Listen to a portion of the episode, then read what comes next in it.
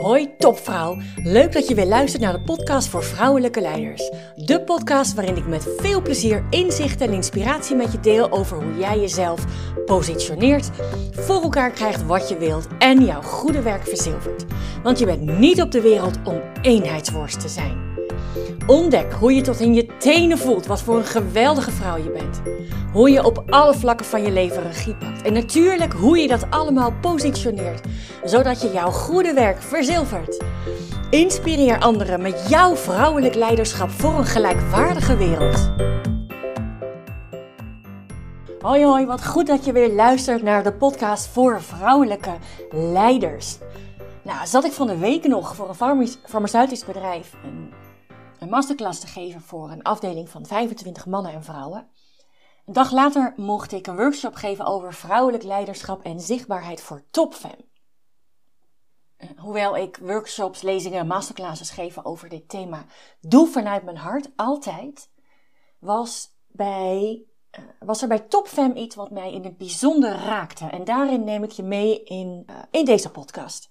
TopFem is een, is een netwerkorganisatie voor jonge, ambitieuze vrouwen, omdat de man-vrouw verhouding in de top van het bedrijfsleven nog wel wat gelijkwaardiger mag. Er mogen uh, meer, veel meer vrouwen met hoge hakken op het podium van een bedrijf. Ik heb TopFem al even geleden benaderd, omdat ik het zo belangrijk vind dat je je bewust bent van dat goed zijn in je werk alleen niet genoeg is om te kunnen groeien. Daarvoor mag je er ook over vertellen. En hoe eerder je dat weet in je carrière, in je leven, ja, hoe meer vruchten je daarvan plukt. Dus daarom, uh, daarom heb ik hen benaderd dat ik graag, uh, dat ik graag voor ze aan de slag wil. Nou goed, dat was, de, dat was deze week dan zover. Overigens raakte niet alleen eh, deze groep vrouwen, maar de locatie was ook prachtig. De koepel in Haarlem, voormalig gevangenis, helemaal omgebouwd. En uh, dat is waar, uh, waar ik de workshop mocht geven. Wat mij nu zo, wat mij nu zo raakte in deze workshop, tijdens deze workshop, niet vanwege de workshop, maar vanwege de vrouwen die er zaten, is dat ze allemaal 15 tot 20 jaar uh, jonger zijn dan ikzelf. En ook een stuk jonger zijn dan de meeste vrouwen met wie ik werk. Een paar uitzonderingen daar gelaten. Uh, ze zijn allemaal achter in de 20, begin 30. Toen ik achter in de 20 was, begin 30, was ik zeker ambitieus. En ik wilde zeker graag groeien. Maar ik was op dat moment daar op een totaal andere manier mee bezig dan dat ik deze vrouwen gisteren heb zien doen.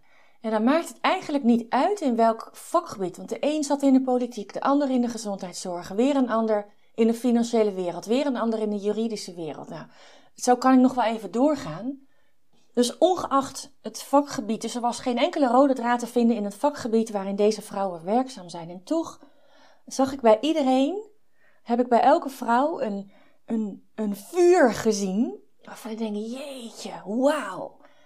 Wauw, wat, wat, wat geweldig dat je dat vuur, dat je dat vuur zo hebt. En geweldig dat je dat vuur op zo'n jonge leeftijd hebt. En nog veel belangrijker dan het hebben van dat vuur, vind ik dat je dat vuur niet een klein vuurtje laat zijn, maar dat je van dat vuur een zo groot mogelijk, ja, vlammend geheel maakt. En ik zal uitleggen wat ik daarmee bedoel. Wat mij ten eerste opviel, en dat, dit gaat niet over het vuur, maar dat de, de beren die ik, waar ik hen over hoor heb vertellen, die zijn niet uniek. Die beren zijn niet uniek. Dat zijn vergelijkbare beren als met de meeste vrouwen uh, met wie ik werk. Dat zijn ook, uh, ook ten dele zeker ook mijn beren. Uh, die beren waren niet uniek, maar wat zo opviel, is dat elke, elke vrouw, in welk vakgebied dan ook, waar, waar, je ook vandaan komt, elke vrouw heeft een droom. Elke vrouw heeft een droom en elke vrouw durfde groot te dromen. En dat zijn allemaal nog dingen waarvan je zou kunnen zeggen: ja, dat doen wel meer mensen. Nou, dat klopt, dat doen wel meer mensen. Dromen doen mensen, dat doen heel veel mensen. Groot dromen, dat doen alweer een stuk minder mensen. En dromen realiseren, dat doen nog veel minder mensen. Maar deze vrouw, elke vrouw die hier bij deze workshop aanwezig was, had ze allemaal. Had ze allemaal. Ze durfde niet alleen te dromen, ze durfde niet alleen grote dromen, maar ze durfde die dromen ook nog waar te maken. En nee, dat gaat niet vanzelf. Dat gaat niet vanzelf. En toch wist ieder, had ieder een eigen manier om ervoor te zorgen dat die dromen toch gerealiseerd werden. of dat nou hulp was bij het verwijderen van, van beren, of een strategie uitstippelen hoe waar te komen, verschillende routes te benaderen, of verschillende invalshoeken te zien, dat maakt niet uit. Maar ieder van hen had een eigen strategie om die droom, die grote droom die zij heeft, om die na te streven. En niet omdat het moet, niet omdat het kan. Elke vrouw weet, weet wat ze voor elkaar wil krijgen, maar weet vooral ook waarmee ze impact wil maken, waarmee ze een verschil wil maken. En ten eerste, als ik naar mezelf kijk, en ik denk dat, ik, uh, dat, dat veel mensen zich daarin zullen herkennen. Als ik naar mezelf kijk, had ik ten eerste, ik had wel dromen, maar ten eerste waren die, heb ik die nooit zo concreet gemaakt op die leeftijd. Later wel, inmiddels wel. Maar ik heb ze nooit zo concreet gemaakt. En ik heb een hele reis afgelegd om groot te durven dromen en groot ook te volgen en te doen. En dat is wat ik in mijn eigen reis, dat is in niets wat ik bij deze vrouwen gezien heb gisteren. Zij durven grote dromen en ze durven dat ook nog waar te maken. Zij durven stappen te zetten om dat waar te maken. En nogmaals, die beren die ik, die gisteren van ze heb mogen zien, hè, een stukje, die zijn niet uniek. Dus dat gaat allemaal niet van een leien dakje. Dat is niet, oh ja, maar zij, uh, uh, uh, uh. Zij hebben ook beren.